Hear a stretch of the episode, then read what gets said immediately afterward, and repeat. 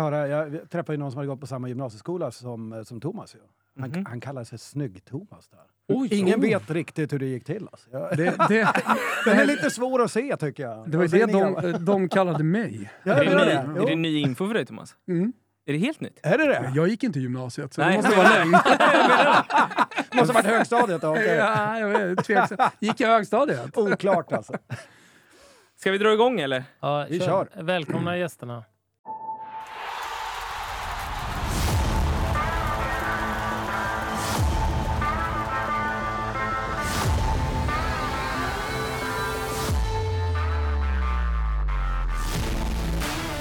Inga gäster idag. Det här är fan, de här har stående bokning i Skillspodden.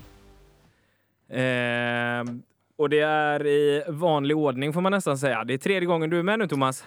Jajamän, stort tack att jag får förtroende igen. För att få vara med i den här podden så många gånger, då har jag fått låna ut eh, studion till Ja. Skillspodden den Ja. här gången. Ja. Det, ja, men det, det, det är så man får göra.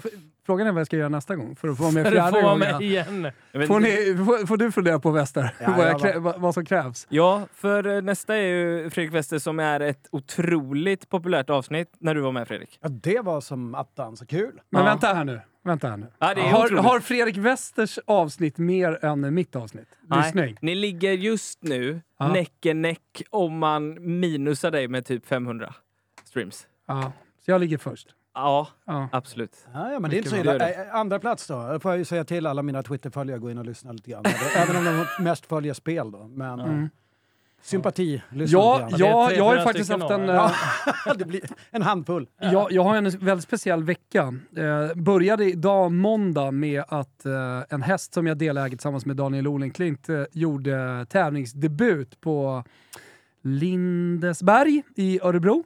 Mm. Och sen är det Fiorentina-Inter i cupfinal i Rom på onsdag. Och det är alltså andra finalen sen jag aktivt började följa Fiorentina på 20 år. Så att andra titelchansen. Fortfarande har jag aldrig varit med om eh, att Fiorentina har vunnit en titel under liksom mitt supporterskap. Så en väldigt speciell vecka, men började på bästa, bet, bästa häst då med att eh, Adriatica vann i tävlingsdebuten. Oj, oj, Grattis. grattis. Tack. Kul. Tack. Tack, tack. Eh, Höll undan, gick upp, eh, tog ledningen ganska tidigt och sen så var det lite attacker från sidorna och Mm. sen eh, spurten. Men du är inte eh, involverad i något trav?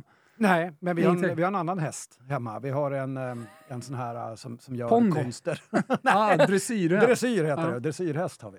Ja, ni har det ändå? Ja. Jag Eller, tänkte jag, precis- har det, min fru har en häst. Jag, jag, är bara, jag har suttit på ryggen på den en gång och sen på deras, dens kompis då i hagen en gång också. Ja. Nej, jag är ingen Jag stor du ska sitta så jag lite som möjligt Wester på, på hästar. Ja, men Eh, exakt, inte, inte för så, men jag tror att du ska hålla höga på hästar i djur. Fan, nu kanske jag, nu kanske jag pissar på hela hästindustrin här, men alltså det känns... Det kändes typ gammalt att äga en häst. Ja, det är populärt faktiskt. Det är det? säga. Nu, eh, jag, jag är kompisar i den svängen. Bland annat så är jag eh, god vän med Anders Ström, eh, Unibet-grundare. Och, eh, det roliga med det här loppet var att i sista sväng och på upploppet så hotade en häst. Och eh, det fick jag reda på senare, det var Anders Ströms häst.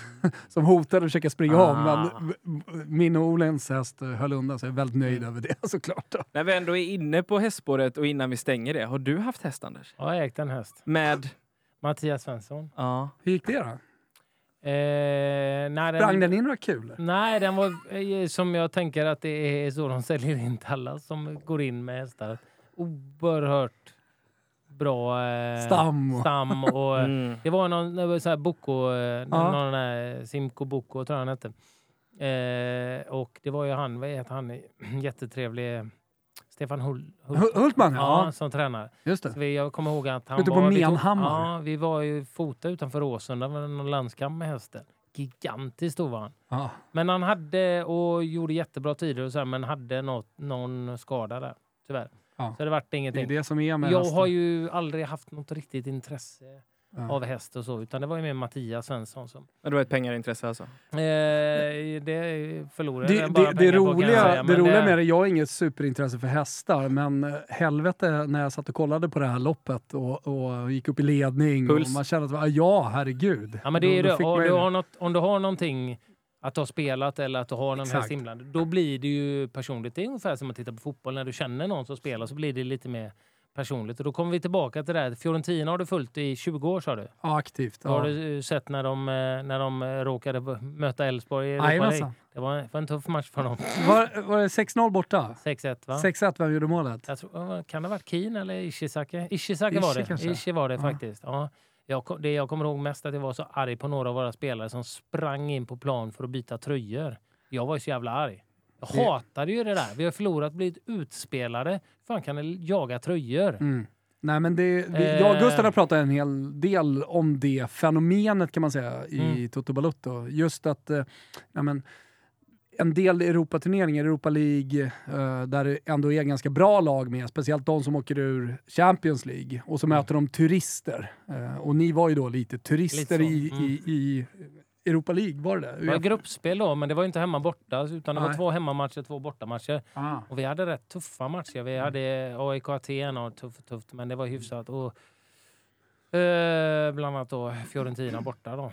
De fick vi borta. Så 6-1 i röven tror jag det var. Ja. Det var tufft. Ja, men jag kommer ihåg det. Vi var lite sura över att den var lottad borta för att det hade varit lite av en gratis eh, hemmamatch eh, eh, som man slapp betala för att åka till. Liksom. Men våran eh, storebror gillar ju Fiorentina så att han var ju glad Ah. för jag lyckades få, nu spelar inte han i matchen, men jag fick ju hans tröja efter matchen ändå trots att jag inte jagade för jag var en tjurig jävel. Ja. Men jag spelar i landslaget lite så jag Ja, kunde, det var- kunde väl ändå... Åt det Så jag hållet. fick ju Mutus tröja till brorsan så han var ju. Fan, Jag tänker på Giuseppe Rossi, tänker jag på. Jag tror att inte han hade Ah. kommit då. utan Nej, Motos tid var Boxic precis med, har innan. Jag, för mig. Ja. jag har för mig Boxic, stämmer det? Spelar han? Nej, det gjorde han. han, eh, Jovetic tänker du på. Nej, Nej, det okej. gör jag inte alls det. Nej. Nu är du, nej. Vad hette han sa du? Jovetic, eh, Montenegrin med stort Nej, det är hår. mycket, alla- mycket senare det. Nej, fan visst fan var det Boxic? Nej, men vilket år var det här då? Ja, det är 2000. Eh, det här måste ha varit, nej men det måste ha varit 2006, 2007. Mm, Någonstans där. Snart eh, 400 år sedan. Kan man ha Typ. varit... Eh, kan ha varit 2007, 2000... Ja. Nej, gång. vi, var box vi var i liksom. gruppspel två gånger med Elfsborg. Ja. Eh, Ni gjorde bra ute i Europa ändå. Ja, vi gick ju till gruppspel två gånger, Ja, det får det- man säga. Sen så pissade vi bort det där tyvärr. Mm, det var synd. nej, men det kommer... eh, Det var lite grann... Det handlar mycket om vinnarmentalitet. Att ha in det här att, att fan, vi tror att vi kan vinna. Lite som du säger, är vi turister eller är vi här för att vi, är, vi tror vi är bra? Mm. Och lite där tror jag vi inte riktigt hade det. I alla fall inte Elfsborg som en liten klubb. Nej. Lite känslan att fan, de här ska vi slå. Utan lite för mycket överdriven respekt och känslan shit vad coolt att spela mot de här. Tror du det är någonting man kan bygga redan från tidig ålder? Alltså att du börjar bygga upp det, att det finns inga övermän och vinnarmentalitet och så. Jag har ju någon teori om att det finns bara ett sätt att bygga vinnarmentalitet på. För att ofta får man höra i, ungdomsfotbollen att det är bra att förlora. Men eh, alltså det bästa måste ju, så, så som jag upplever det i alla fall, om man ska skapa vinnarmentalitet, Mm. det, det är att vinna Mm. jävligt mycket matcher. Mm. Sen slentrian förlora tror jag inte så jävla mycket på, men, att bygga vinnarmentalitet. Men att förlora några tunga matcher, en semifinal, en final. Alltså beroende på tyngden av förlusten så kan det vara viktigt att förlora, så man lär sig att verkligen vara nere. Deprimerad nästan för att man har förlorat en stor match och man hade större förväntningar. Ja, men, men- att- lite så är det. Och det var ju, jag tror det är jävligt personligt också. Jag var ju en sån. Jag jagade inte tröjor. Jag sprang inte runt och jagade. Och jag, förlorar jag något lag så vill jag ju möta dem igen och Mm. bara, slår dem. Och det var ju samma på träning. Så jag Det upplever är jag med lite- mina tjejer som har förlorat ganska lite.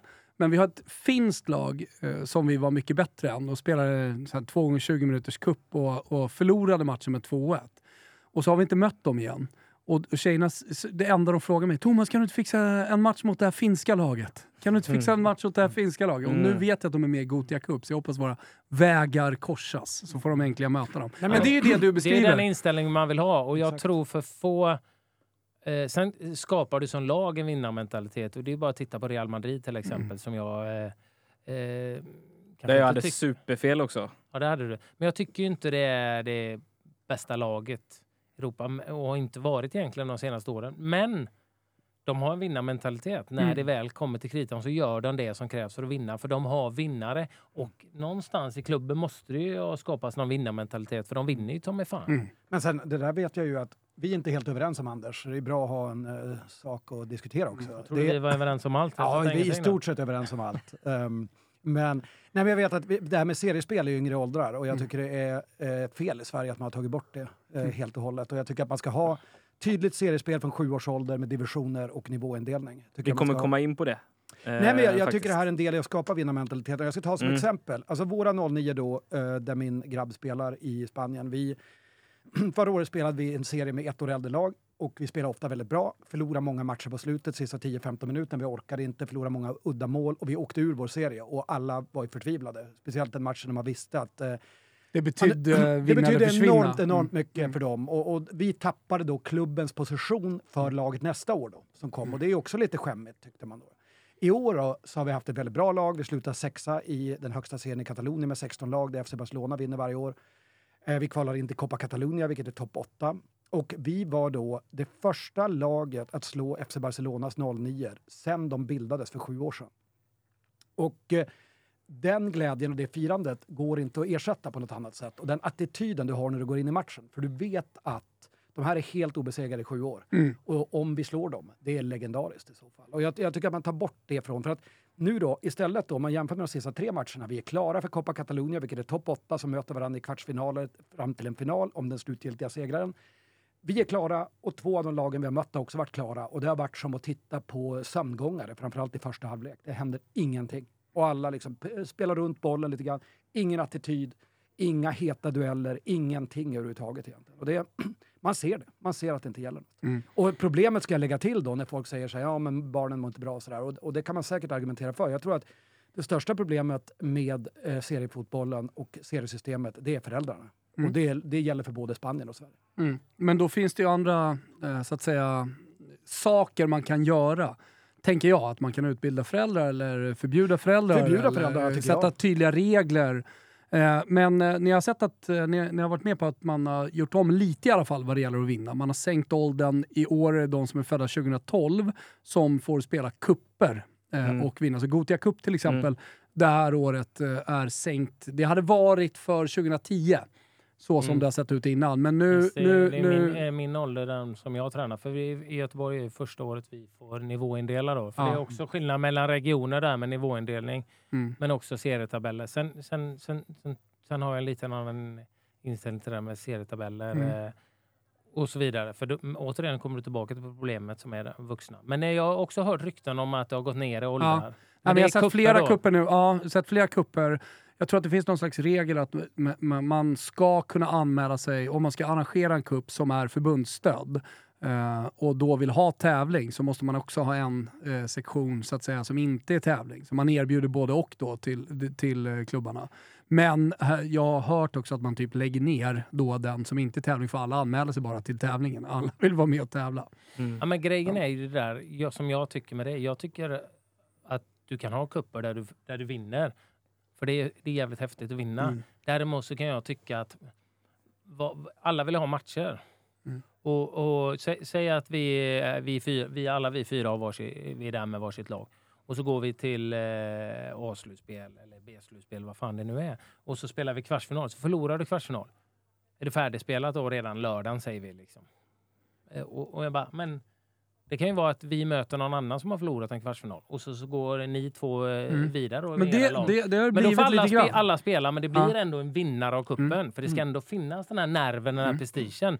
Men att några åker dit och spelar tre matcher, några får tio matcher och någon får tre. Då, då tycker Ja, men det jag har jag det inte blir... riktigt upplevt än, när jag har varit ute Nej. på väldigt mycket kupper utan då har det alltid varit placeringsmatcher. Och det är Mm. viktigt. Så A och. B-slutspel och sen så placeringsmatcher. Så även om du förlorar då, jag var på East Mallorca till exempel, eh, och det är bara inbjudnings eh, på flick då.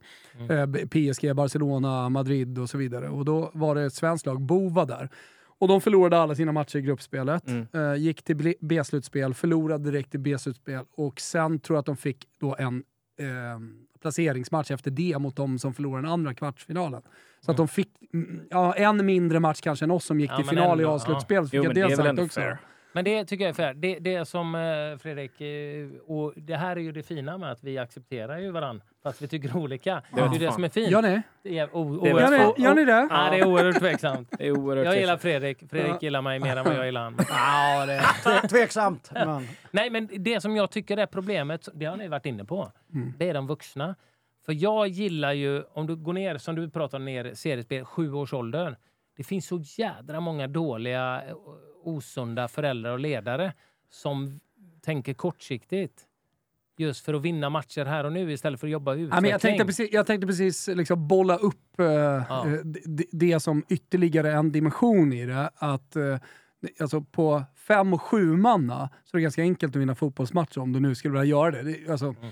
Men där du glömmer bort utbildningsdelen så att du, du börjar skicka långt. Mm. Du har någon som kan skjuta till exempel. Så Exakt. bollen till gubben som kan skjuta och så glömmer du bort processen och utbildningen i, i det. När, alltså, nu, nu står jag med liksom ett ben hos Fredrik och ett ben hos dig här. Ja, men jag är också någonstans mitt emellan. Men det är just det att jag vill ha nerv. Jag vill att de ska liksom känna det här. För det är viktigt att, att lära sig det här och, och vilja vinna och kunna vinna och åstadkomma någonting. Men när du ser, när jag, vi nu spelar, och då spelar jag ändå i en ålder där jag tycker att det borde vara se, serie och nerv. De är 12-13 år. Men då har vi mött två, vi har spelat fem matcher. Två av dem, två av matcherna, egentligen tre av matcherna har de bankat långt bara på någon stor spelare. Och två av de här tre matcherna som jag pratar om, så har de jobbat med långa inkast. Alltså det tar sjukt lång tid varenda gång. De flyttar upp alla stora de har och så är det någon som kan kasta långt. Och jag bara tänker, okej, ni vinner matcher på det. Att inte, att inte försöka ens spela ur, spela upp. Att liksom ta långa inkast, pausa och så. Men hur utvecklande är det för våra svenska fotbollsspelare? Vad tänker du kring det här då, Fredrik? Men jag, det finns så många dimensioner i, i fotbollsspelarutveckling givetvis. Då. Eh, och Nu det vart här det 1-0 Norrköping, vi hade på den samtidigt. Varför ser du så jävla glad ut för ditt solspån? Jag förstår inte varför du är förvånad. Du sa ju på för... Du sa ju när vi kom... Ja, jag vet! Jag vet att de kommer förlora Elfsborg, men han behöver inte se glad ut för det. Nej, det är inga, inga skäl, Nej, det är inga rimligt. skäl att le.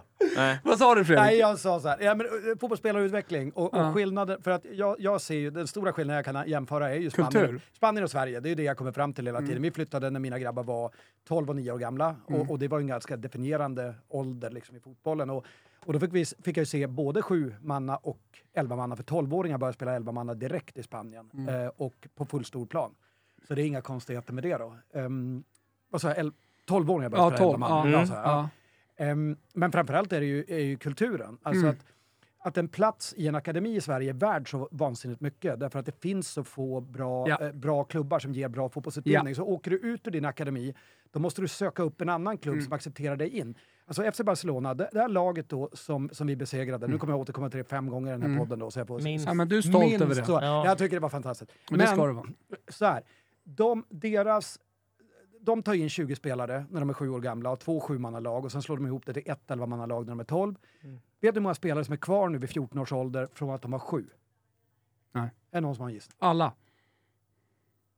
Ah. Jag säger 85 procent. Eh, jag säger ingen då. Nej, fyra stycken är Mm. det som är kvar. Ja. Och det visar ju också att det är en enorm utrensning. Dels har ju FC Barcelona den bästa fotbollsutbildningen, bästa förutsättningarna, bästa tränarna, följt av Espanyol som är tvåa och sen har du Girona i norr som också har då, det är en La Liga-klubb också. Sådär. Så de har ju helt andra förutsättningar än vad, vad vi andra har då. Men det finns även ett 40-tal andra otroligt bra eh, Mm. fotbollsakademier runt om. Och vi har ju flera stycken i framförallt en äldre slag som har spelat i Espanyol och FC Barcelona. Någon gång i karriären har de gjort det. Och eh, det gör ju att de kommer med sin fotbollskompetens, höjer nivån där vi är, men vi har också utbildade bra tränare som ofta har gått i skola Mm. hos FC Barcelona eller Espanyol. Mm. Och det jag saknar i Sverige är liksom någon som tar taktpinnen och säger vi tar tag i det här. Mm. Vi ska utbilda framtidens fotbollsspelare. Och i och med att Sverige inte har, nu skiter jag här lite i, i det blå Mm. skåpet förmodligen, men vi har ingen klubb som är riktigt dominant. Nej. Och då räknar jag även in Malmö FF i det faktiskt. Mm. För Malmö FF förlorar sina spelare Mm. till Danmark. Ja, mer och mer. Och det Mer kommer och mer, säkerligen Alltså, hända. inte, inte ens de med de resurser de har jämfört med allsvenskan. Vi, de andra klubbarna är dvärgar ekonomiskt jämfört med Malmö FF och deras Champions League-pengar. Men inte ens Malmö FF lyckas satsa tillräckligt mycket pengar på att behålla sina talanger. Nej. Och var ska det då komma ifrån? Och då måste det ju vara förbundet som sätter Mm. upp riktlinjer. Förbunden måste gå in och säga så här utbildar vi svensk fotboll. Mm. För Anders har också helt rätt i det att ma- man ska inte skicka långt till sju man. Målvakten ska inte ta bollen och skicka iväg den för de kan lika gärna göra mål när Mm. de är 11-12 år och sp- fortfarande spelar sju man. Mm. Har ni Utan- några utan- regler i Spanien? Eh, för vi har ju spelat, uh, ja, i Mallorca fanns det inga, inga regler, där vi har mött Barcelona, Madrid och de lagen. Men i Italien så har de väldigt så här, tydlig, tydlig regel att du får inte pressa målvakt på första tillbakapassen. Oj. Eh, du får, nej, nej, sorry. Nu, nu ska jag säga det här rätt. Du får liksom. aldrig pressa målvakt. Och eh, du eh, får börja starta din press lite som våran retreat line som vi har i Sverige. Men du får Mm. starta din press först när målvakten har rullat ut till backen och eh, backen har fått kontroll på den. Så lite diffust, men Mm. det funkar. Och vi, vi har aldrig känt att det har varit några problem när vi har mött Roma och de här lagen. Mm. Men har ni, finns det något sånt i Spanien? Nej, inget sånt. Nej. Inte i seriespel i alla fall har vi Nej. inga sådana regler. Men vi har offside i sjumanna. Så man kan inte ställa en spelare vid det? målvakt. Ja, vid halva, det, blir, det är som i ishockey, det är en offside-linje som Mm. går ungefär vid halva, halva, halva. Då. Mm. Och, eh, och det är ju väldigt bra. För annars ska ju, annars är det bara att ställa en eller två spelare Ja. där uppe och så skickar du långt på dem och då tvingar du ju de andra att dra ut sitt Just lag det. också. Och det blir inte alls bra. Det är alltid lite det. lurigt det där med att åka utomlands om man eh, kollar på reglerna i kupparna. Vi var i Tjeckien Mm. eh, och mötte, ja men det var de stora, Slovan Liberec, Sparta Prag, Slavia Prag och, och, och de här. Några polska bra lag som var där också. Då hade de offside i straffområdet. Mhm. Det, det, var, det var liksom det enda, eh, enda platsen det var offside på. Liksom. Ingenting innan. Nej. Nej. Och då spelade vi åtta manna, så att, eh, alltså på, Mm. på bredden. lustigt, för, för det gör man ju i Spanien, spelar man generellt åtta manna. Mm, jag tycker det är mycket bättre än nio manna. manna. Jag tycker det är mycket bättre än nio manna. Varför tycker du det? Eh, för eh, du, om du tar den lilla niomannamåttet i Sverige. Nej, den, den, Som du vill ha bort. Den, den vill jag ha bort. Ja, Men, och, ja okej, exakt. Ja, den då, då. är, Den då alltså, då, alltså, ja, om jag jämför med den Ja. så är det mer eller mindre exakt samma mått du spelar på, men du tar bort en spelare i varje lag. ja, men det är ju Och då bättre. får du, då får du eh, mycket mer ytor, helt enkelt. Helt klart. Och, Men jag- och det jag- blir jag vill- mer eh, likt eh, liksom, riktig fotboll. Sen, sen trivs jag mycket bättre med den stora niomannaplanen, för det är en rektangel. Mm. Men, till skillnad från då lilla niomanna som är en fyrkant. Mm. Man spelar inte fotboll på Men en fyrkant. li, liksom. liten 9 mot 9 tycker jag är värdelös. Mm. Däremot stor 9 mot 9, och det pratade vi ju Mm. eh, bara eh, här senast liksom, eh, med någon eh, om, om, eller jag har tagit upp det flera gånger. Vi pratade sa idag med Åke. att, ja, det gjorde vi. vi. Men jag vet Om inte det. om det kommer idag och då får du klippa och då gnäller du för att du får klippa så jävla mycket. Men vi har ju pratat mycket om det. Jag tycker att när vi... Jag hade inte det problemet när jag gick upp till liten 7 mot 7 som Mm. jag har nu när vi går upp till liten 9 mot 9. För liten 9 mot 9 är nästan samma storlek som stor 7 mot 7. Bara att vi ska in fyra spelare till, två i varje lag, Mm. Och alla har vuxit. Och det är sjumannamål fortfarande va? Ja, för de flesta, för det är väldigt få lag, i alla fall i, i den serien vi spelar, som har 9 mot 9 mål. Mm. Vi har det, men de flesta vi spelar på, någon, en träningsmatch vi körde, de Allt spelade på stora, var det luddigt 11 också. mål. Men, men nu, ska, nu ska jag svära. Jag, ska, jag ska bara säga Ja. sista. Att, eh, som vi spelar nu, enligt förbundet då, ska vi spela nio man i år.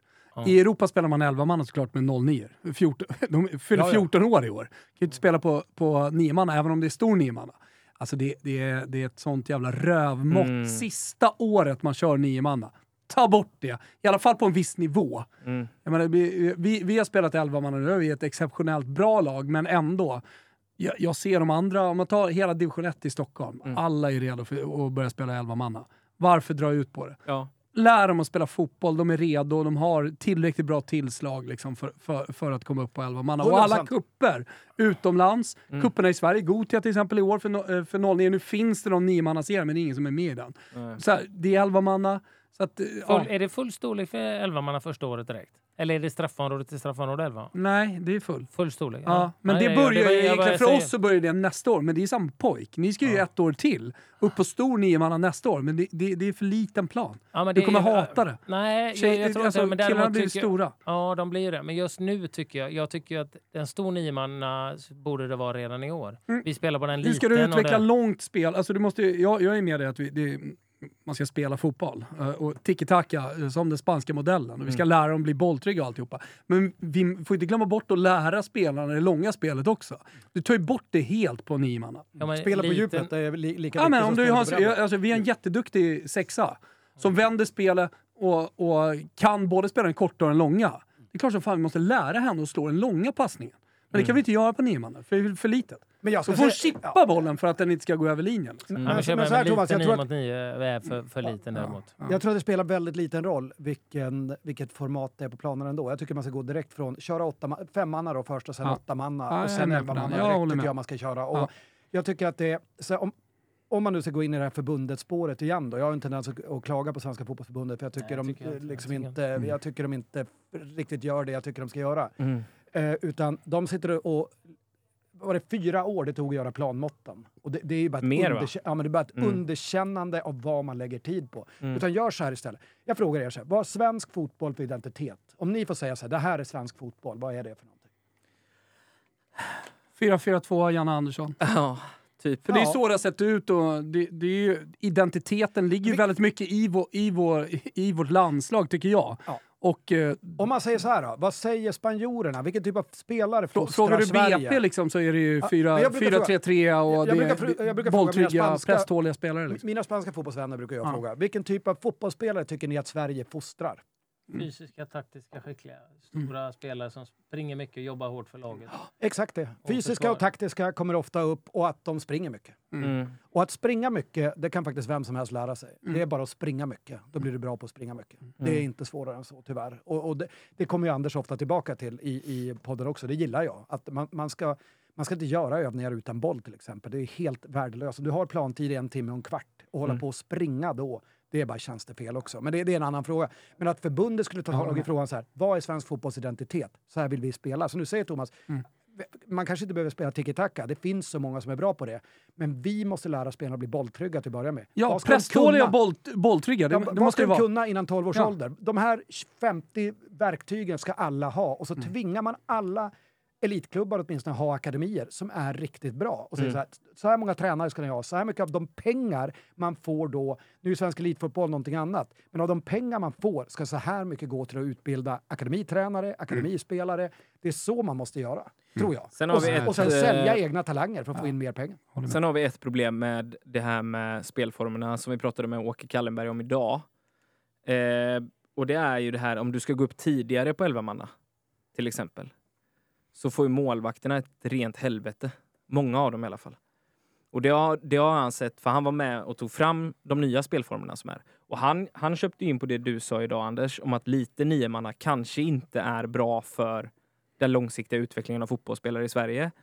Men också att gå på, gå på 11 manna eller 11 mot 11 tidigare är helt omöjligt det- för 90 procent av alla målvakter Jo, där ute. Ja, ja det, alltså så här, jag tror att... Eh, nu, nu ska man inte blanda ihop saker och ting. För att du har gräsrotsfotbollen och liksom breddfotbollen. Det är en sak och akademin är en sak. Så är det. Så att, eh, jag, jag tror definitivt att eh, målvakter i de stora akademierna i Sverige som är födda 09 eh, klarar sig ganska bra på 11 mål. De är Mm. spänstiga, bra, utvalda Mm. och så vidare. Mm. Eh, och sen kan man ju säga om akademierna nu i Sverige väljer att börja spela på 11 manna.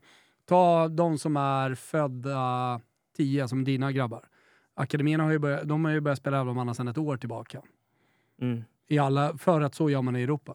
Mm. Men det trodde jag också när jag såg mina grabbar när de började spela 11 man när de var 12. Jag tänkte att nu slutar ju matcherna 15-10 Mm. och sådär. Men det gör de ju inte. Nej, nej. Därför att pressen kommer ju mer där. Dessutom när de är 12 kan de inte De har skjuta inte samma så långt heller. tillslag, nej exakt. Nej, de kan inte skjuta från 30 meter upp Mm. i krysset sådär. Hade de haft 14-åringar när de var 12 så blir det en annan grej. Då blir Mm. det 10-12 mål per match. Fast, fast det finns, vad tittar man i Sverige så går man in på det. Liksom, det finns ju, och det, men jag tror man har en annan kultur i hur man spelar i Spanien också. För tittar här, många lag som vi har, har du en som kan sparka långt. Då använder du det. Ja, då använder du det. Mm. För att du kan vinna Det är dålig här och nu. fotbollsutbildning. Ja, det är det. Men har du det? Vi spelade Mm. en träningsmatch i, i Nimni och motståndarna de hade en som kunde sparka riktigt jädra långt. Och det, liksom, det räckte ju om det var vid halva plan. Så var det ju skott liksom. Och det Mm. handlar inte om att sätta den Ja, i på kryss nio eller någonting. manna, på nio Det handlar om är det att ju bara få målchans. den upp nära Ja. ribban, hyfsat nära Ja. ribban i höjd. Så når inte målvakten när de var 11-12 år. Liksom. Nej, men jag upplever också att seriespelet gör, det här kanske är alltså, paradoxalt i sig, men jag upplever att seriespelet gör att man blir mer långsiktig också. Mm. Att saknar man spelare till exempel i U17, då går man till U16 och plockar spelare därifrån. Mm. Om vi har mycket skador, då blir det därför de ska ändå spela nästa år i, i Mm. den serien. Och då man promotar på ett helt annat sätt spelare i yngre årskullar. I Sverige känner jag nästan att man skickar ner för att Mm. vinna de här meningslösa träningsmatcherna mot Exakt. bortomberga BK liksom, Mm. som inte spelar någon roll i, i, i det stora hela. Utan man behöver ingen långsiktig plan därför att varje serie är för sig, allting görs för sig. Medan vi måste behålla våra positioner i serien varje år. Vi måste utbilda fotbollsspelare. Vi måste ha ett bra lag även nästa år. Vi Mm. måste ha bra lag i alla åldrar hela tiden. Men som du sa Thomas, jag pratar ju mycket om akademierna nu. Det är Mm. där, Ja, exakt. det, det, exakt. det, det, jag menar, miljön det, det, är någonstans de som i, i det stora hela, eh, om man tar ett europeiskt perspektiv som utbildar de spanska, de italienska och de eh, tyska eh, landslagsspelarna på sikt eh, och de som blir proffs. De Mm. kommer ju i mångt och mycket från, eh, från akademierna. Så är det ju. Mm. Sen är det Mm. klart att det alltid finns, det, finns alltid, eh, jag ska säga, det finns alltid undantag som bekräftar den regeln. Men vi går ju mer och mer åt det hållet även i Sverige. Om man kollar på ungdomslandslaget så kommer ju väldigt många, de flesta, kanske till och med alla numera, från eh, olika akademier. Ja, men så är det absolut. Och sen, Sen behöver du inte ha gått dit när du var sju, det är inte det jag säger. Jag säger bara när landslagen börjar med P15 Mm. och F15 så är det ju med, Men- med, eller på- framförallt på- eh, på flick finns det inte så mycket akademier, men ja. Nej. men på på, pojk. även på, På pojk. pojksidan ska jag säga. Att det Men jag, jag, jag, tycker det, jag tyckte det var, fastnade lite vid det du sa här eh, nyss Fredrik kring i Spanien. Då det, det är viktigt och, för lagen att hålla sig kvar i serier och så vidare inför nästa års... eh, Och, och, och så är det ju i Sverige. Men i Sverige så, så eh, då tar du hellre ner spelare från ett år äldre för att vinna matcher och hålla dig kvar. I, du pratar om i Spanien att man tar yngre som ska spela nästa år för att hålla kvar. Mm. Eh, regeln, där, där, där jobbar vi ju annorlunda i Sverige då. För jag hade ju gärna sett det. Eh, jag jobbar ju gärna med att flytta upp de som är ett år yngre och liksom eh, spela än att ta ner spelare uppifrån för att de ska spela. Eh, vi ska kanske samarbeta. Nu kanske vi kan samarbeta med de som är ett år äldre också förvisso, men men jag upplever i Sverige är det väldigt, väldigt viktigt just det där med seriespelet i och med att det inte är fast att vi måste hänga kvar. Och då blir det att vi plockar ner de bästa och de, och de som är ett år äldre Mm. och går ner och spelar. I Spanien säger du att tvärtom, att då jobbar de med att ta upp de som är ett år yngre hellre än att, eh, om det handlar om att hänga kvar. ja, vi, vi har ju regler, reglerna där, som vi var inne på med Italien. Vi har ju regler om hur man får strukturera lag. Mm. Säg då Infantil, där spelar min yngre grabb. Det är eh, U14, det är alltså 09 och 2010 i år spelar i Infantil-serierna. Och det är fem nivåer tror jag. Och vi spelar i högsta serien som bara är 16 lag. Under oss spelar, vi heter Infantil A, då, vårt lag Mm. för klubben. Och vi har bara eh, de som är på, de är 14 år, de är födda 2009. Så vi har ingen 2010 i truppen. Vi har lånat in några då och då på träningar och testat lite. Och så här. De spelar i serien under oss och de möter nästan bara 2009 lag som inte riktigt platsar i högsta serien, men det är fortfarande supertufft och jättehög nivå.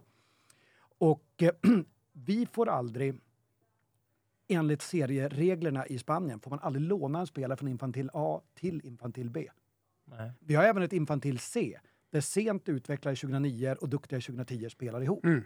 Som också ligger i en ganska bra serie, inte äh, en liten bit från toppen också. Då. Mm. Men, och, och B får skicka till C, men Nej, nej, C får skicka till B, B får skicka till A, men aldrig neråt i Aldrig neråt och- Så att det är så att om B måste vinna sin serie eller hänga kvar i Mm. sin serie, då kan vi inte fylla det med hela vår A-trupp i slutet av säsongen Nej. och bara kötta på vi, om vi är klara då för, för Nej, men i. I Stockholm, i Sankta, jag tror att det är samma i Göteborgs eh, fotbollsförbund, jag tror att det är samma eh, över hela Sverige faktiskt. Men där får du ha max två stycken överåriga. Eh, ja, det. och, ja, exakt.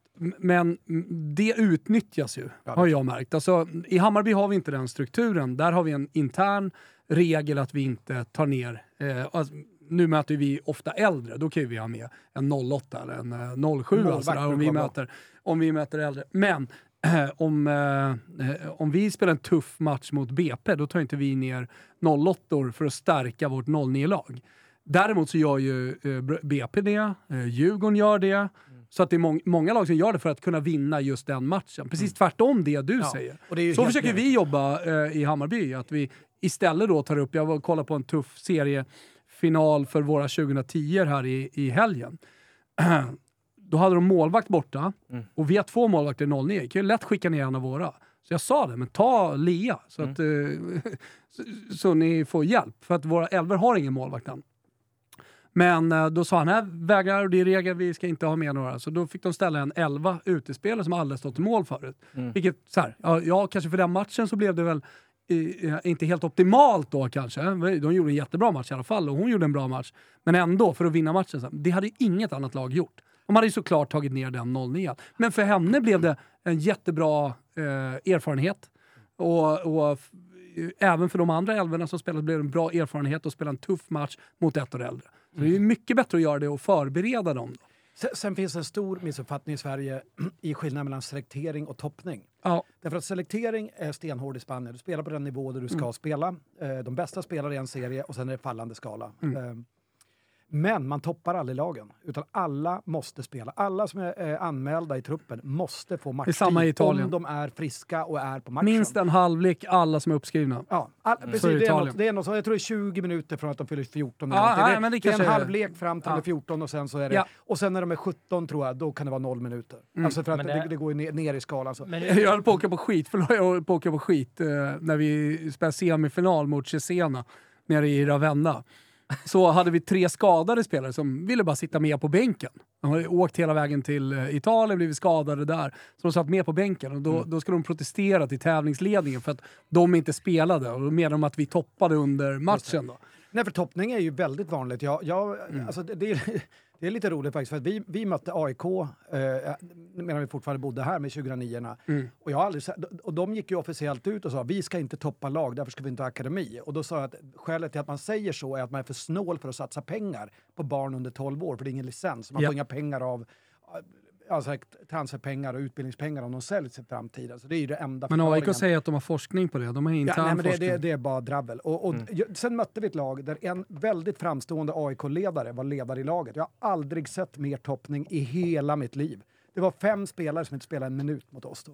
Ja. Och det är också så här, varför är de där? Alltså, Mm. vad, vad är po- poängen? Och varför säger man en massa tomma fraser som klubb? Det är bara Mm. meningslöst. De säger så här, vi tänker inte satsa på akademi, vi tycker inte det är värt att satsa på ungar under 12 år.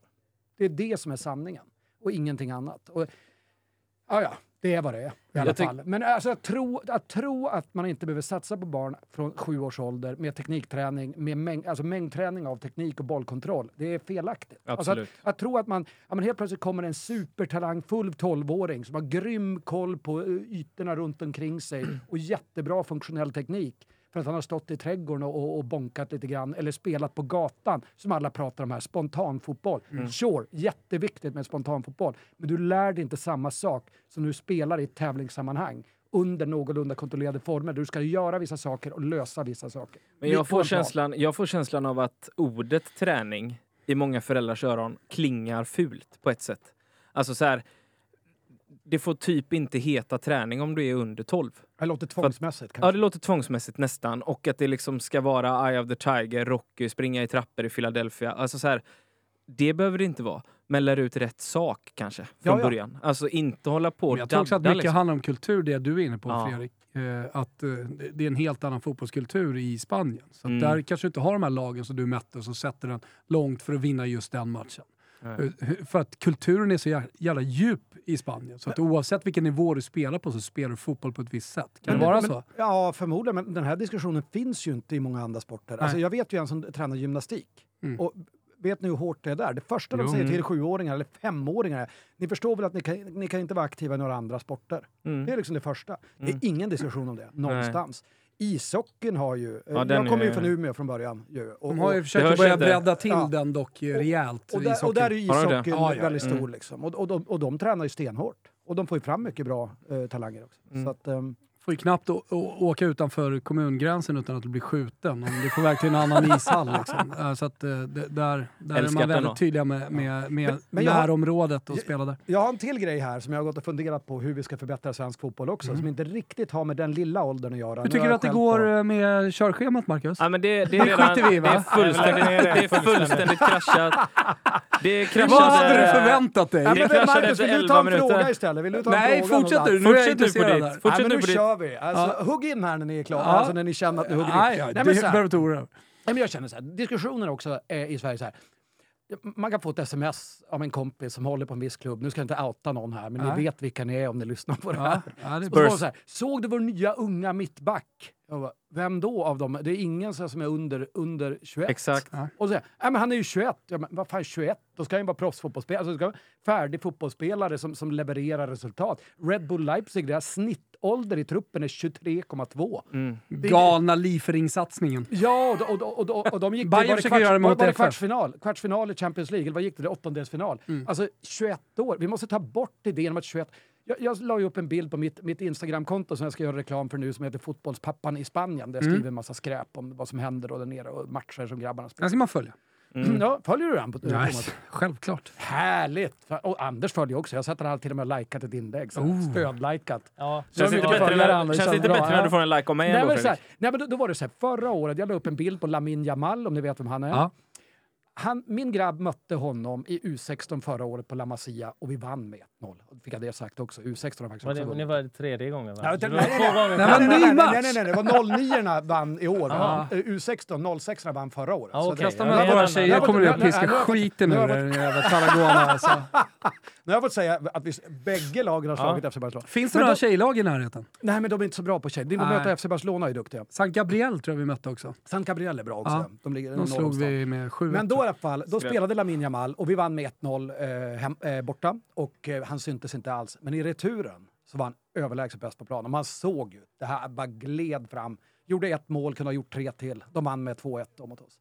Och eh, sen lyftes han upp då i U19. Sen, ja, och så gjorde han ju debut. Fort. Mm. 15 år och 9 månader gammal då. Och då när man får de här smsen, bara, vår 21-årige unge mittback, då blir man lite... Nu är det väl i och för sig då, Lamin Jamal är statistisk anomali förmodligen, men jag tycker i Sverige har man sån syn på att man kan inte spela fotboll på elitnivå förrän man är 23. Nej. Och det är väldigt märkligt. Så jag, jag föreslår till fotbollsförbundet här nu att man ska tillåta B-lag i eh, vanliga serien. Mycket bra. B-lagen ska man max få spela i det år man fyller 23.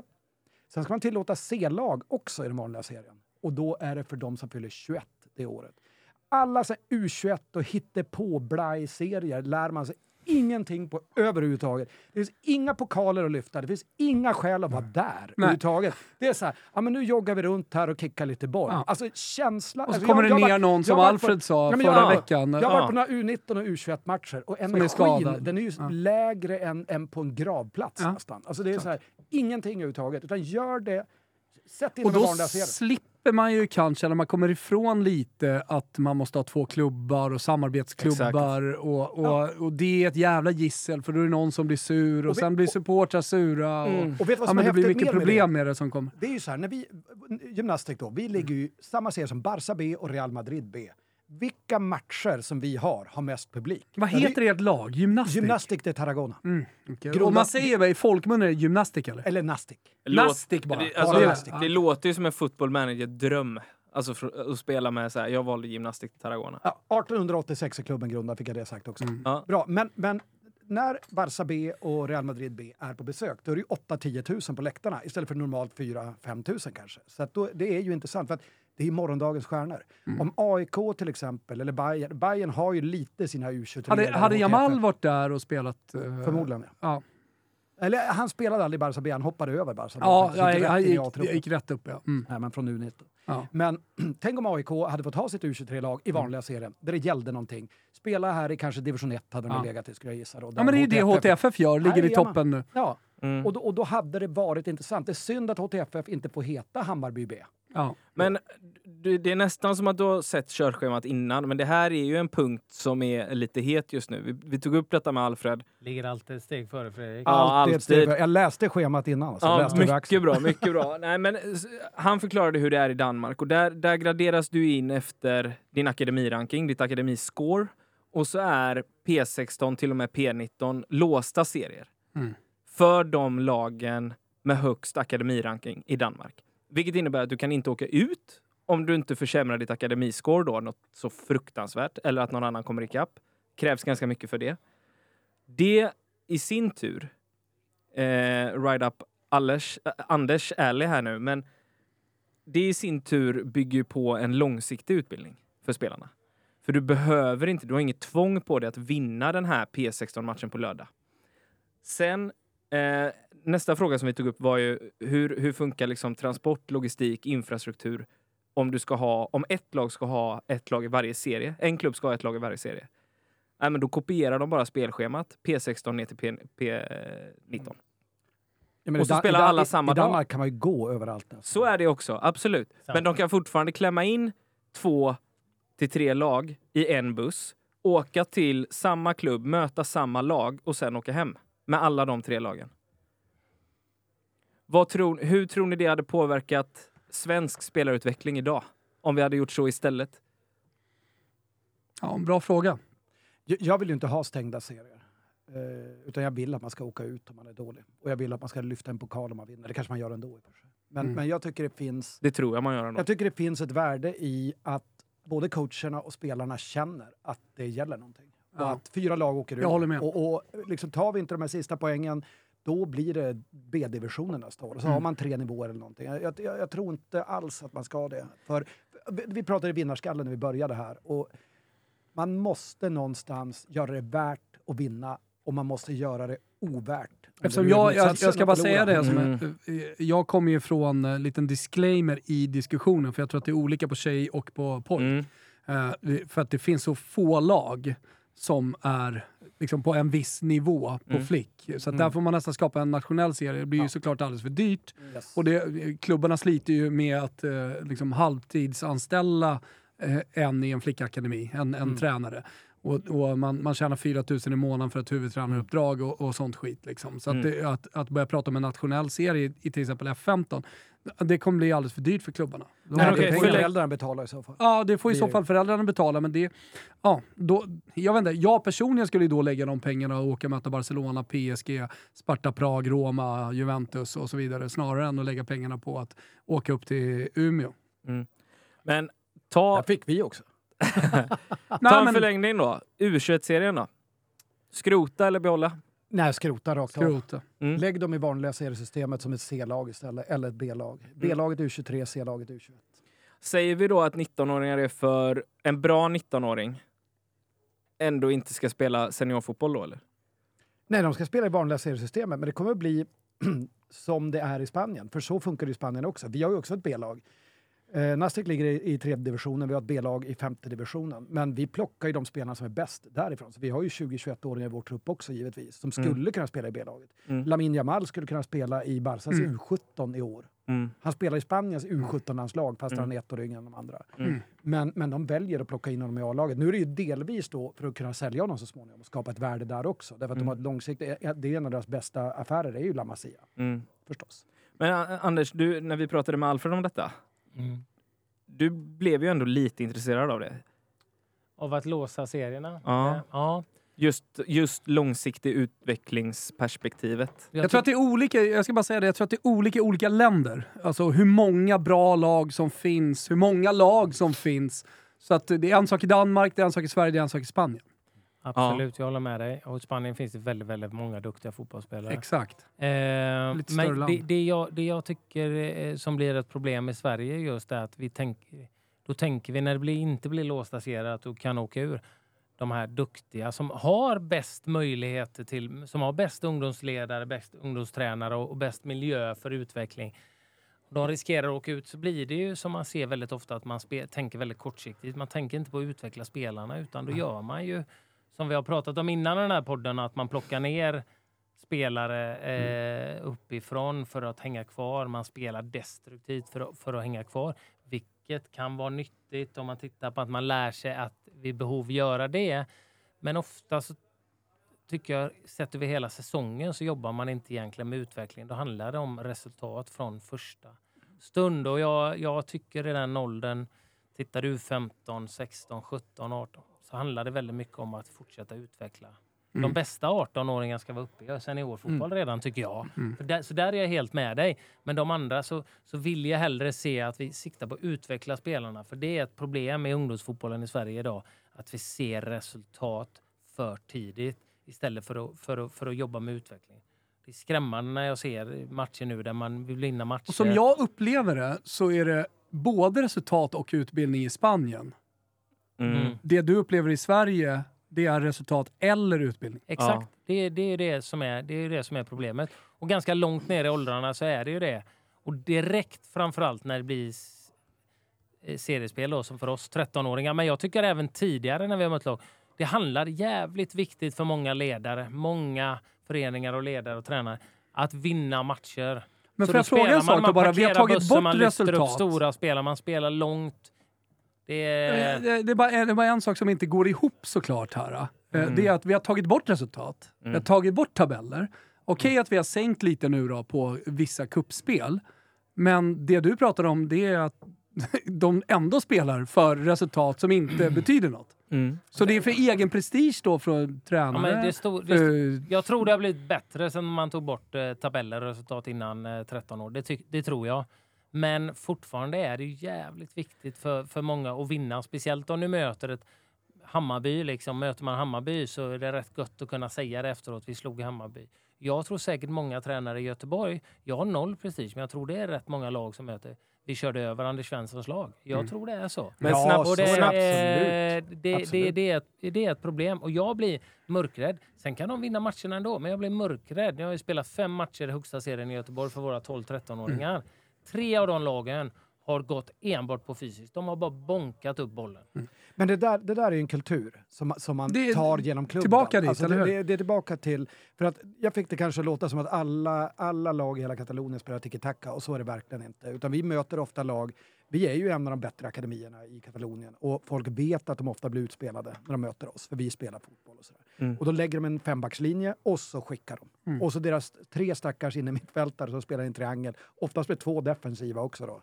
Ehm, de- får ju inte spela överhuvudtaget, utom då som någon slags flipper. Om den studsar tillbaka så får de nicka den liksom, för att försöka få den i anfall igen. Då.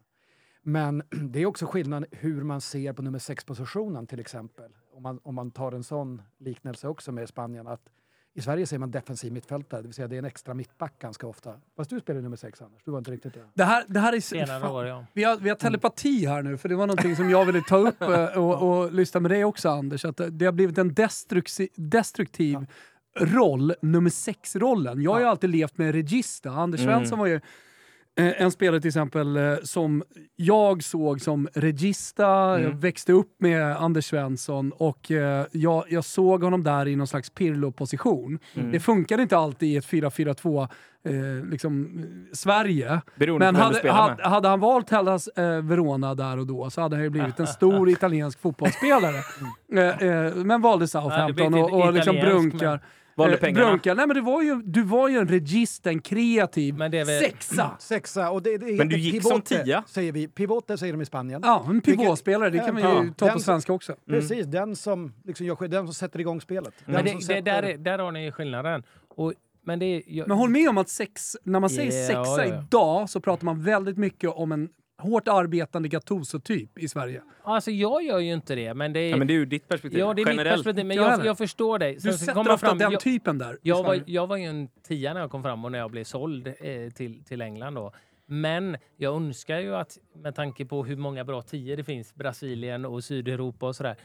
Och, Du vet jag- att Pillo var också eh, tia när han Ja. kom fram. och det, det, det Gjordes hade, om ja. till eh, sexa. Och jag hade jättemycket erfarenhet när jag i slutet på min karriär spelade sexa istället. Och jag ser ju en sexa som starten av ett, som ett, som, som ett anfallsspel. Mm. Det är ju han som är, och även hjälper till i backlinjen, men jag ser inte det i första hand som att skydda mittbacken, utan det är ju någon som hela starten av uppbyggnadsspelet ska gå igenom, Mm. som styr spelet. Alla eh, Xavi, Busquets till Mm. exempel. Och, Men jag och tycker att rollen, eller i alla fall eh, Den benämningen av rollen i Ja. Sverige har gått över mer och mer åt en defensivt hårt arbetande Men gått spelare. över har den inte alltid varit. Alltid Kanske alltid varit. Men Kanske alltid. Ja, men det är. Håkan Mild-typen. Hårt arbetande, springer mycket, väldigt bra defensiv. Där har du sexan. liksom, Liksom. sk- skaver liksom på Nej. Hå- Håkan Mild var ju mer av en åtta. Han sprang ju upp och ner hela tiden. Men mer en defensiv som ligger rätt i Mm. position, skyddar mittbackarna, Mm. vinner dueller vinna och dueller. som balanserar laget. Fan, var Inte Mild mer än åtta? Ja, ja, herregud. Mm. Han var blev ju- så ja, han var han, Loki. han, liksom. Han, han i ju en av innermittfältarna när de var två. Han sprang Ja. ju för tre Mm. spelare. Jo, han sprang. Så att han, eh, han var inte en, en, liksom, en som låg kvar och balanserade och stannade. Utan han, Nej. Hade han vi inte Johan. Mjällby som sexa i svenska landslaget? Jo, då hade vi, du skapade en var liten... Du skapade, ja, han var den första riktiga. Han var ju spelskicklig. Men innan hade du väl eh, Mjällby som sexa och Ljungberg som... Då hade du diamant, för det var alltid 4-4-2 Ja, i Sverige. Mm. Så det var alltid 4-4-2. Mm. Och de var alltid, är alltid. Det är alltid fortfarande tyvärr. Mm. Ja, men det, tänk en av de absolut bästa som är Rasmus Hjelm till exempel. Ja, Mm. Där har du ju en, eh, liksom en... Vad sa du? regissör. Ja, Ja, men en alltså, magisk passningsspelare. Också duktig liksom läsa spelet. Liksom. Men, men det är ju för att man vill ju spela som enligt Johan Cruyffs filosofi. Om man får drömma så spelar man ju enligt den. Och när han tog fram sitt Dream Team då, eh, 1990, ja, början av 90-talet i alla fall, så var det ju... Han fick ju kritik i Barcelona i början för att han spelade så offensivt. Mm. De frågade hur ska du vinna matcher när du bara har två defensiva spelare? Ehm, och han hade ju Koman var ju den ena, då hade man ju lite gratis frisparksmål med honom. Då. Mm. Så det är ett bra sätt att vinna. Men han sa vi ska ju spela på deras sida plan. Då är det inga problem, då behöver inte så många defensiva spelare. Och ja, den synen går ju helt förlorad därför att har du nummer sexa som framförallt är en extra mittback så Mm. tappar du ju enormt mycket kompetens eh, centralt. Mm. Så att, eh, men, men Sverige har ju aldrig varit en nation där man ska dominera mittfältet heller. Å andra sidan, inte på nationell nivå. Nej, och eh, även Fast är det inte idag... det vi saknar idag då? Jo, även idag när vi har rätt många duktiga eh, innermittfältare, passningsspelare, så spelet går ju sällan igenom där. Utan där är det två spelare som ri- springer och täcker ytor. Och så spelar vi egentligen tidigare antingen upp på yttrar eller upp på forward och sen ut på yttrar. Vi jobbar ju alltid med två forwards som ska samarbeta då liksom. Så innermittfältarna använder så, inte så ofta av. Vilket gör att ja, men de får springa och täcka ytor. Alltså det finns ju, finns ju jättemånga duktiga om du tittar på unga spelare. Du har ju båda de här tvillingarna Gustafsson i Mm. Häcken som är fantastiskt fina. Hugo Larsson som jag älskar i Malmö. Vilken spelare liksom. Skulle kunna vara. Men i ett tremannamittfält för annars ska han lägga 90% av sin kraft och springa och täcka i ett 4-4-2. Mm. Exakt. Ja. Jag är inte helt klar med eh, det här med tränarfrågan förut, som vi tog upp lite Nej, grann. kör vidare. Nej, men, Ser han sur ut Marcus? Nej, men vi var inne på någonting bra tyckte jag om eh, hur, vad kulturen är i Sverige när vi utbildar spelare. Och, och det här vinna, förlora mentaliteten och allt det här. Eh, min tanke är att det går ännu längre upp. Alltså oavsett om du har tabell eller inte i ett svenskt lag och tränarna vill vinna matcher. Alla vill vinna matcher oavsett om det är poäng eller inte poäng. Alla vill vinna Mm. matcher hela tiden. Absolut. Så enkelt är det. Men kommer inte det ansvaret uppifrån då ännu mer? Alltså att en tränare, en aspirerande tränare, vi säger att en 20-åring har ett P10-lag, säger vi. Eller F10-lag. Mm. Han kommer vilja, vilja vinna matcher för att han vill klättra upp. För att man tror i Sverige idag att för att lyckas som tränare så måste du längre och längre upp i ålder. Du måste nå ett akademilag eller du måste nå ett U19 eller ett, ett seniorlag för att ha lyckats som tränare. Ligger det är inte det ansvaret på klubben att säga så här, ja, men om du fostrar fem spelare istället, att ta sig vidare uppåt, uppåt, uppåt. Men om, om, Är om inte man det ska, lika mycket värt? ska vi vara väldigt orättvisa då mot tränarskrået i Sverige. Hur många internationellt framgångsrika tränare har vi? Nej men exakt. Historiskt sett. Han, en har ju varit här i podden och det var ju, det är ju Svennis. Sen Peter är det väl... Wettergren? Förlåt? Nej, okej. Eh, nu får du, Nej, nu får men du det, vi, har ju, ja, men vi, har ju orden. vi har ju några som har varit i Danmark, Hasse Backe till exempel. Och vi har ju några Men som har Hiljemark där i på- Danmark ju nu. Ja, just, det. just Ålborg va? det, just det. Mm. Mm. Men, men Danmark, ursäkta alla danskar som lyssnar här, men, men det räknas inte riktigt. Utan vi säger topp fem-ligorna, för det är där man vill vara. Ja. Eh, och eh, vi är inte bra på att ta fram tränare heller då, ska man säga. Eh, Nej. till, som, som platsar i topp fem-ligan. Och det kan, Exakt. det, allt det här kanske hör ihop. Att du vill spela bonkarfotboll för att vinna. Med bonkarfotboll blir du ingen bra tränare heller. För du kan inte instruera spelarna hur de ska spela smart så att de ska överlista motståndarna med taktiska element. Nej, och vad får du för alltså, track record sen? Nej, men och, och när jag får frågan så här, alla hånar ju Spanien för både det ena och det andra och politiken och hur man bygger hus och så här. Men om man tar specifikt tränarfrågan så blir de både etta och tvåa i Premier League i år. Mm. Och, och de, de har ju någonting, de gör ju någonting. Och det där är också en sån här grej. Nu läste jag att fotbollsförbundet, de ska... eh, Jag hakar upp på fotbollsförbundet, jag ber jättemycket om ursäkt till alla här. Men Du, Du i ska den här vi- podden är luften fri. Ja, Ja, det, är bra, alltid. det är bra. Nej, men nu skulle de, om jag läste rätt där, det här kan bli rättning på det här och så får vi Mm. klippa bort hela skiten. Och sådär. Men, men nu, nu har tydligen AZ Alkmaar vunnit någonting. Mm. Och då måste man åka och specialstudera AZ Alkmaar. Men vi kanske ska göra så här istället. Besök alla de som vinner allt hela tiden och säljer spelare för två miljarder per, per år. Inte Mm. riktigt då. Benfica till exempel. Varför inte gå, åka till Benfica och bara säga så här. Vad gör ni för någonting? Ni verkar göra någonting oerhört bra. Mm. Ajax till exempel. FC Barcelona. Börja med de tre. Mm. Och så har man något ganska bra. Man behöver inte ta ett lag som Alkmaar som kanske har haft en jättebra generation och vunnit på grund av det. De råkade bara ha en jävla massa bra spelare. Så här. Mm. Utan gör det enkelt för dig. Snor sen är det ju i, aka i akademierna så gör man ju många utbildningsresor alltså till Mm. Ajax, till eh, Clairefontaine, till Atalanta som också fostrar mycket spelare, till eh, ja, vad det nu är, spanska lag och sådär också. Southampton är väl ganska bra för den delen.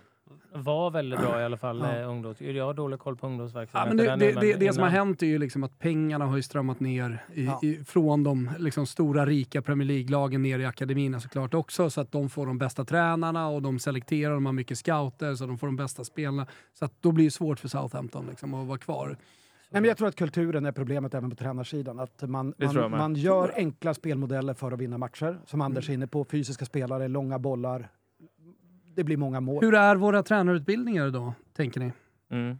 Men jag, jag, jag, har ju gå- jag har gått den för inte jättelänge sedan. Jag tyckte den var ganska bra. Mm. Och jag, eh, det som jag kan störa mig, eller stör mig inte egentligen, det är att jag går den tränarutbildningen och får med mig jättemycket, men jag kommer inte förändra min, mitt sätt att se hur jag vill jobba med fotbollsspelare. Däremot Sen är fick du jag mycket unik. verktyg. Ja. Lite grann. På den, på den Möjligtvis. tränarutbildningen så är Men jag det tyckte, inte många som har 148 landskamper.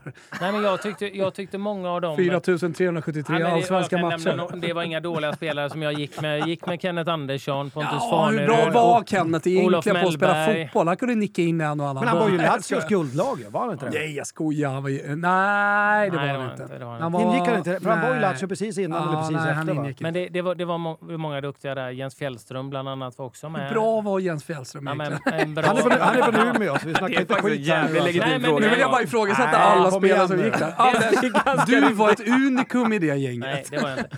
Det som, det som jag tyckte var intressant var att bolla idéer med de andra. För Mm. sen vill, men jag gillar ju inte det att många som går... Jag har upplevt att många som går eh, förbundets tränarutbildning stöps i förbundets form Mm. någonstans. Och Exakt. blir exakt så Exakt. som de vill. Jag Tack. säger det. Och tittar man många... I akademierna brukar man ju prata om det. Ja, det är en Ja, riktig förbundstränare det där. Mm. Jo, men du ser Men vad de innebär det då? pratar, Du pratar i deras termer. Du, du trän, det har ju inte förändrats någonting. Tittar du på dem som var då Lasse Lagerbäck... De pratar på ett visst sätt. Ja, De, men vad, vad är en förbundstränare? Vad, vad kännetecknar Ja, dem? men det är spelyta 2, det är Exakt. spelyta 3, det är eh, periodisering, det är alla de här sakerna. Ledarskapet Ja. ser likadant ut överallt. Ja, men jag skulle säga att det kanske är alla tänk, spelar och har ungefär samma det filosofi bra, och Ja, jag samma fan det. tänk. Jag tittar på om jag, från fantastiska tränare som har varit bra, men man vill ju se en förändring i modern Mm. tid. Men tittar du, du hade Jörgen Lennart, eller vad säger jag, Tom, ehm, Lars Lagerbäck och Thomas Söderberg som jag hade som var jättebra där.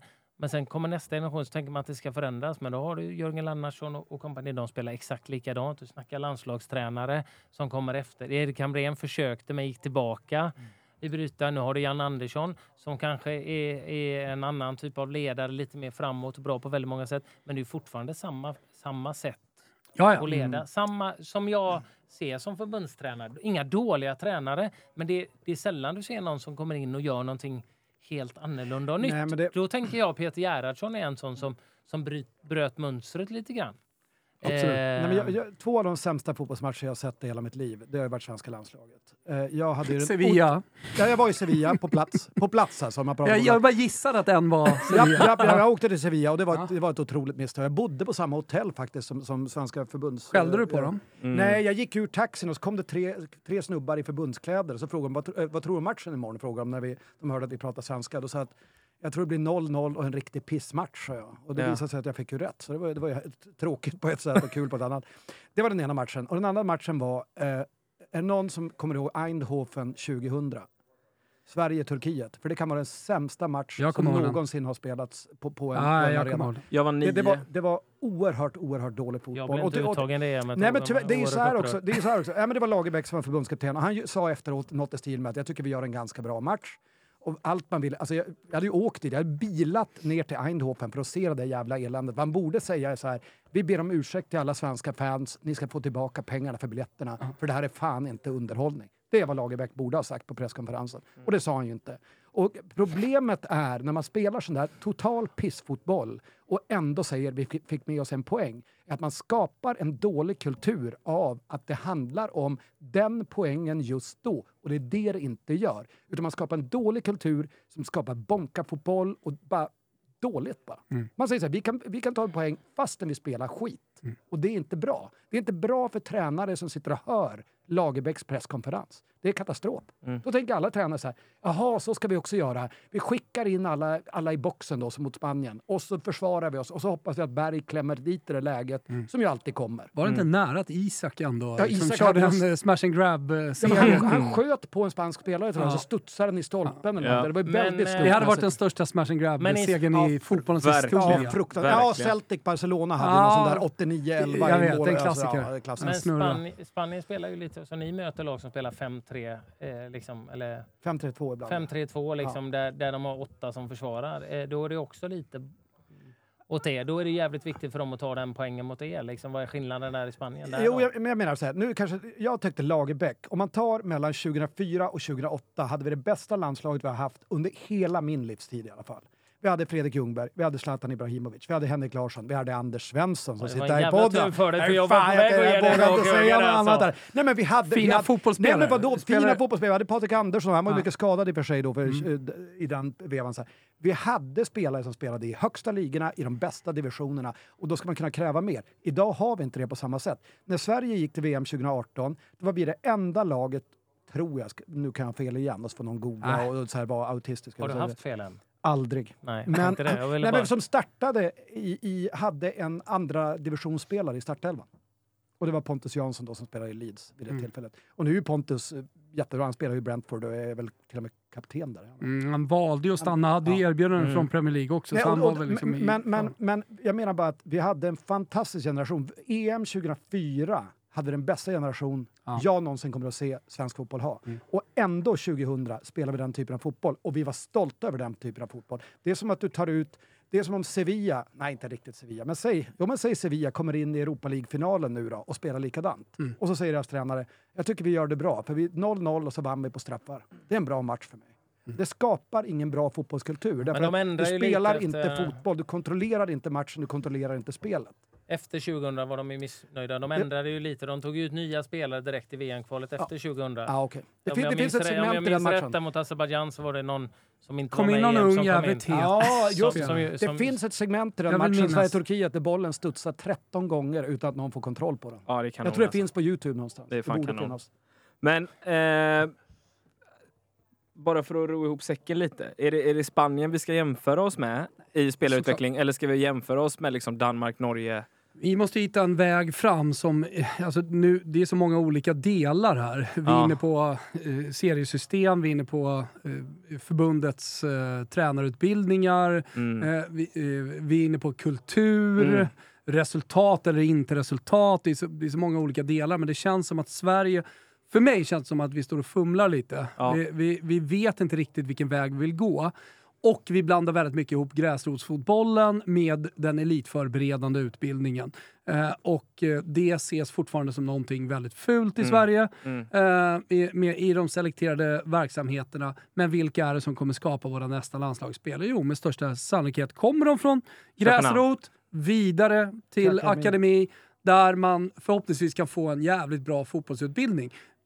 Jag tror, eller jag vet, att många akademitränare och eh, akademichefer ute i Sverige vill ha mer resurser Mm. så de kan anställa fler tränare, fler duktiga tränare.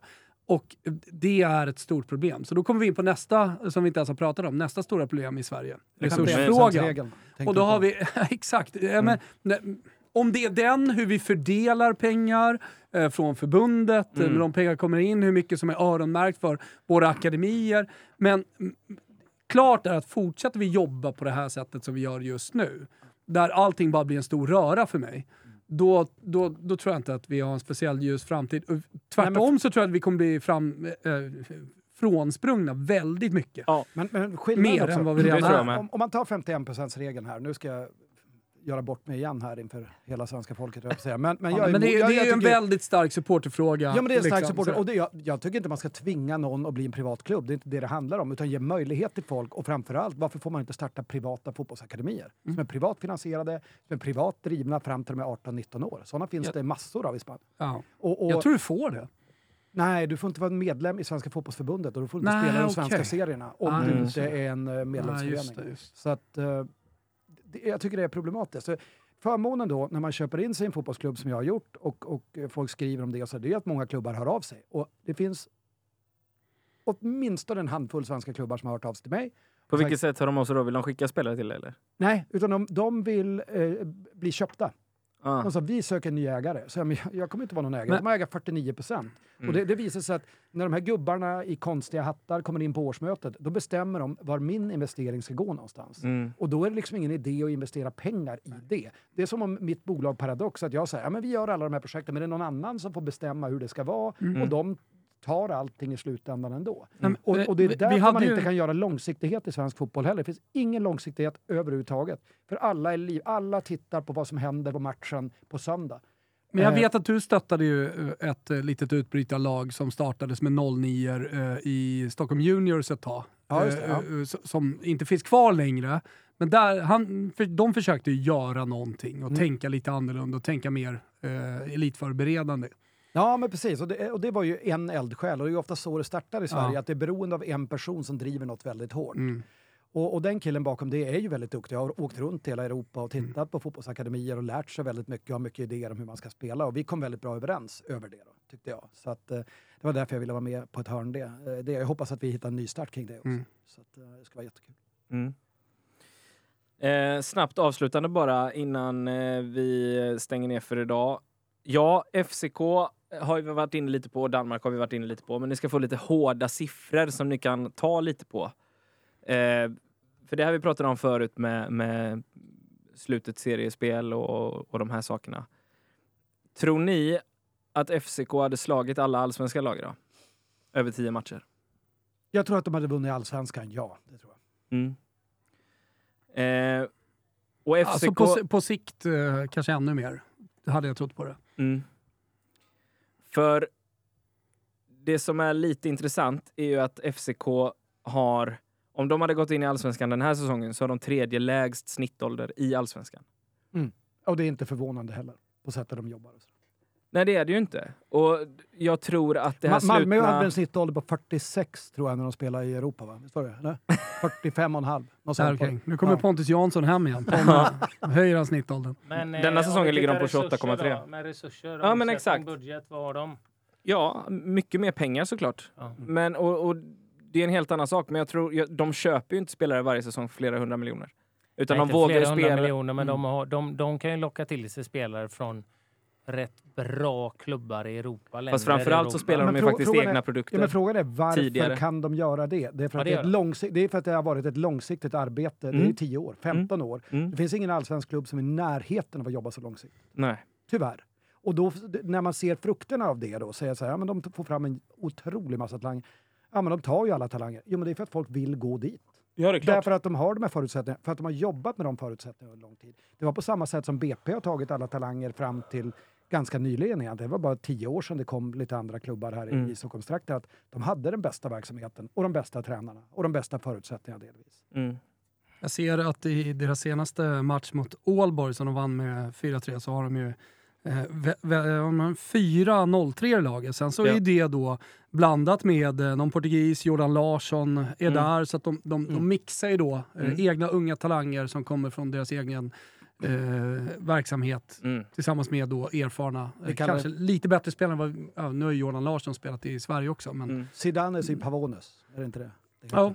Ja, exakt. Nu kanske jag vurmar lite extra för det, men det är också så att alla de här P16 till P19-serierna, alla de matcherna spelas ju på fasta lördagar.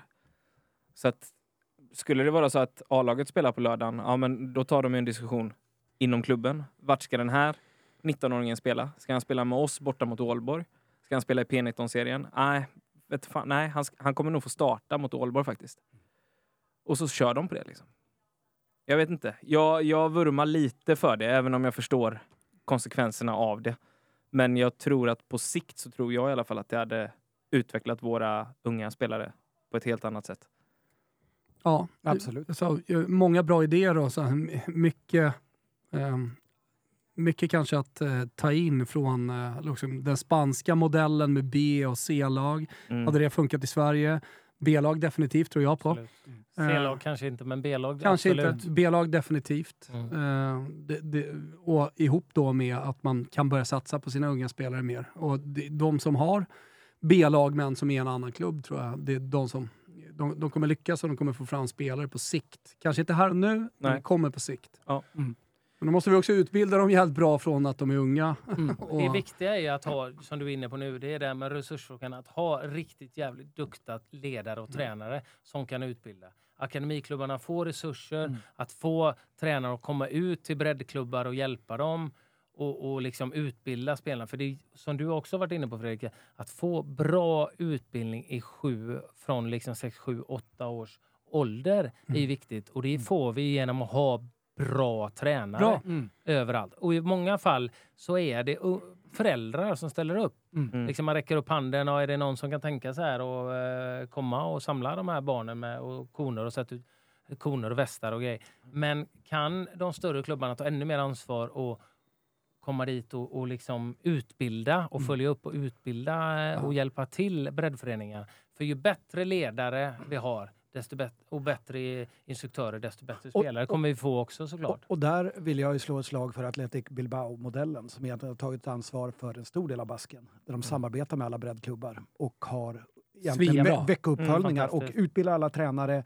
Och de har ju också det, det vet ni ju säkert att de spelar ju bara med bas baskiska spelare. Mm. Nu är de ganska generösa. Tänkte vem precis som, vem som väldigt räknas generöst. som från basken, eh, mer generösa nu än de var för 20 år sedan. Men Mm. det är ändå, klubben har en otroligt fin identitet, de tar ansvar. Och säg att man då är Hammarby här, så ska man ta ansvar för Söderort. Problemet är ju att det finns ett otroligt motstånd då mot de här klubbarna som kommer. Mm. De är rädda, de ska ta våra spelare och de ska bestämma över oss. Och det, det, Istället för att hitta ett samarbete. det är också liksom, kulturellt svårt för Sverige att hamna i det läget där, där man är stolt över att ha ett samarbete med en större men- klubb i regionen. Nej, det är för att vi, vi, vi förlorar ju varje år spelare till FC Barcelona, Espanyol, är inte ni stolta över det? Vi är jättestolta. Ja. Vi önskar dem lycka till. Jag Därför att önskar att vi vore mer stolta vi- i Sverige ja, men också. vi vet hur vår- spelare går till AIK eller eh, Elfsborg eller Hammarby eller vad det nu är. Nej, men Vi vet hur vår värdekedja ser ut och vi vet att alla spelare i Katalonien drömmer om att spela för FC Barcelona. Det är bara så från att de är fem år gamla och det är inget konstigt med det. Och får någon av våra spelare möjlighet att göra det, då gratulerar vi dem och säger vad kul. Och så kan vi posta det på en Instagram och säga titta den här killen, han gick från gymnastik till FC Barcelona. Vi har ju två spelare där nu. Vi har en som går till Espanyol från våra 09 nu efter den här säsongen. Vi har en som går till Girona nu. Säsongen var precis slut nu i lördags. Och vi är glada för det. Eskil. Mm. Vi är jätteglada. Jag tycker det är jättekul och vi hoppas att de får en fantastisk fot fotbollsutveckling där. Mm. Och får vi fortsätta utveckla vårt lag med de exakt. spelare som är kvar i det Exakt. laget. För att i Sverige finns någon slags idé om att om du råkar födas på samma gata, då ska ni spela fotboll ihop resten av livet. Ja, Så om, det är om också Anders åker forskning. till Southampton, Det är också- då måste det är också din forskning. granne... Ja, Men det- Närmiljön. Ja, men Det är trötta- kultur. det är också det tröttaste argument som finns, det forskning visar. För jag är uppväxt i en forskarfamilj. Då. Mm. Min styvpappa var professor, min mamma har doktorerat. Och alla som har träffat en forskare vet att stänger du in två forskare i ett rum, då kommer de ut med fem olika åsikter. Så att säga att forskning visar ensidigt, det är ett så trött argument Ja. så jag orkar inte Men det är så vi jobbar Ja, i fotbollen i. Sverige. Jag Vi, kom, vi, vi har liksom forskat på en person, eller några personer, har forskat på, på liksom, i en linje som ofta av någon konstig anledning liksom passar med vårt svenska tänk eh, kring gräsrotsfotbollen och närmiljön. Det är, ett, det är ett beställningsuppdrag som säger det här vill vi att ni ska komma fram till. Hur kan vi komma fram till det? Och så gör de det genom Mm. olika argumentationer. Och det är inte svårt och det är inte forskning heller. Utan det är ett beställningsjobb. Det är Mm. ett konsultuppdrag som är ett beställningsjobb. Och det är väldigt tragiskt att det är så. Vi hade kunnat sitta här i tusen timmar till och snacka om detta tror jag. Och Mm. det kommer förhoppningsvis bli ett par timmar till framöver.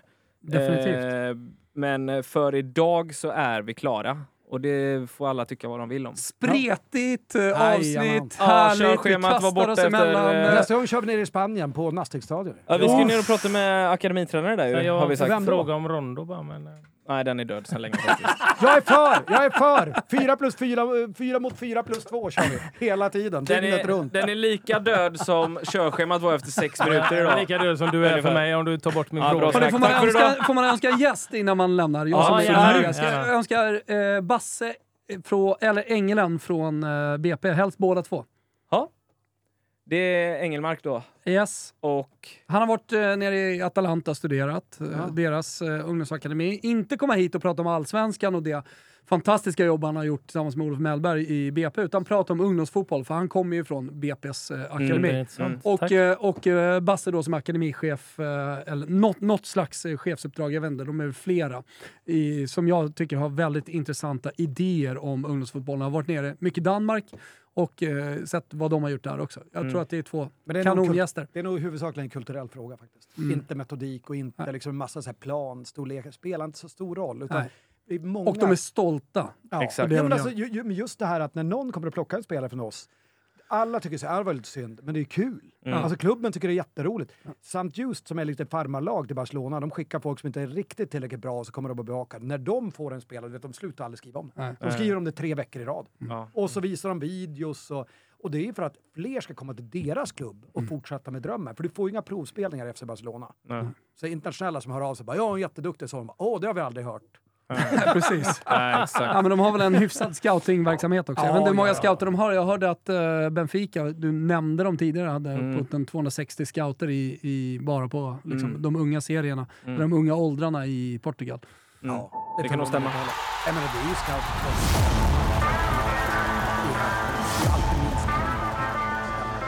Vi tackar Thomas för lånet av studion Ja, och för ja, att vi ja. fick spela in på tack. Ni är hela alltid välkomna. Ni är alltid välkomna. Underbart, tack för idag. 1-1 ska ni ha. Elfsborg! Va? Ja! Är det sant? Ja! Nu? Plötsligt händer det.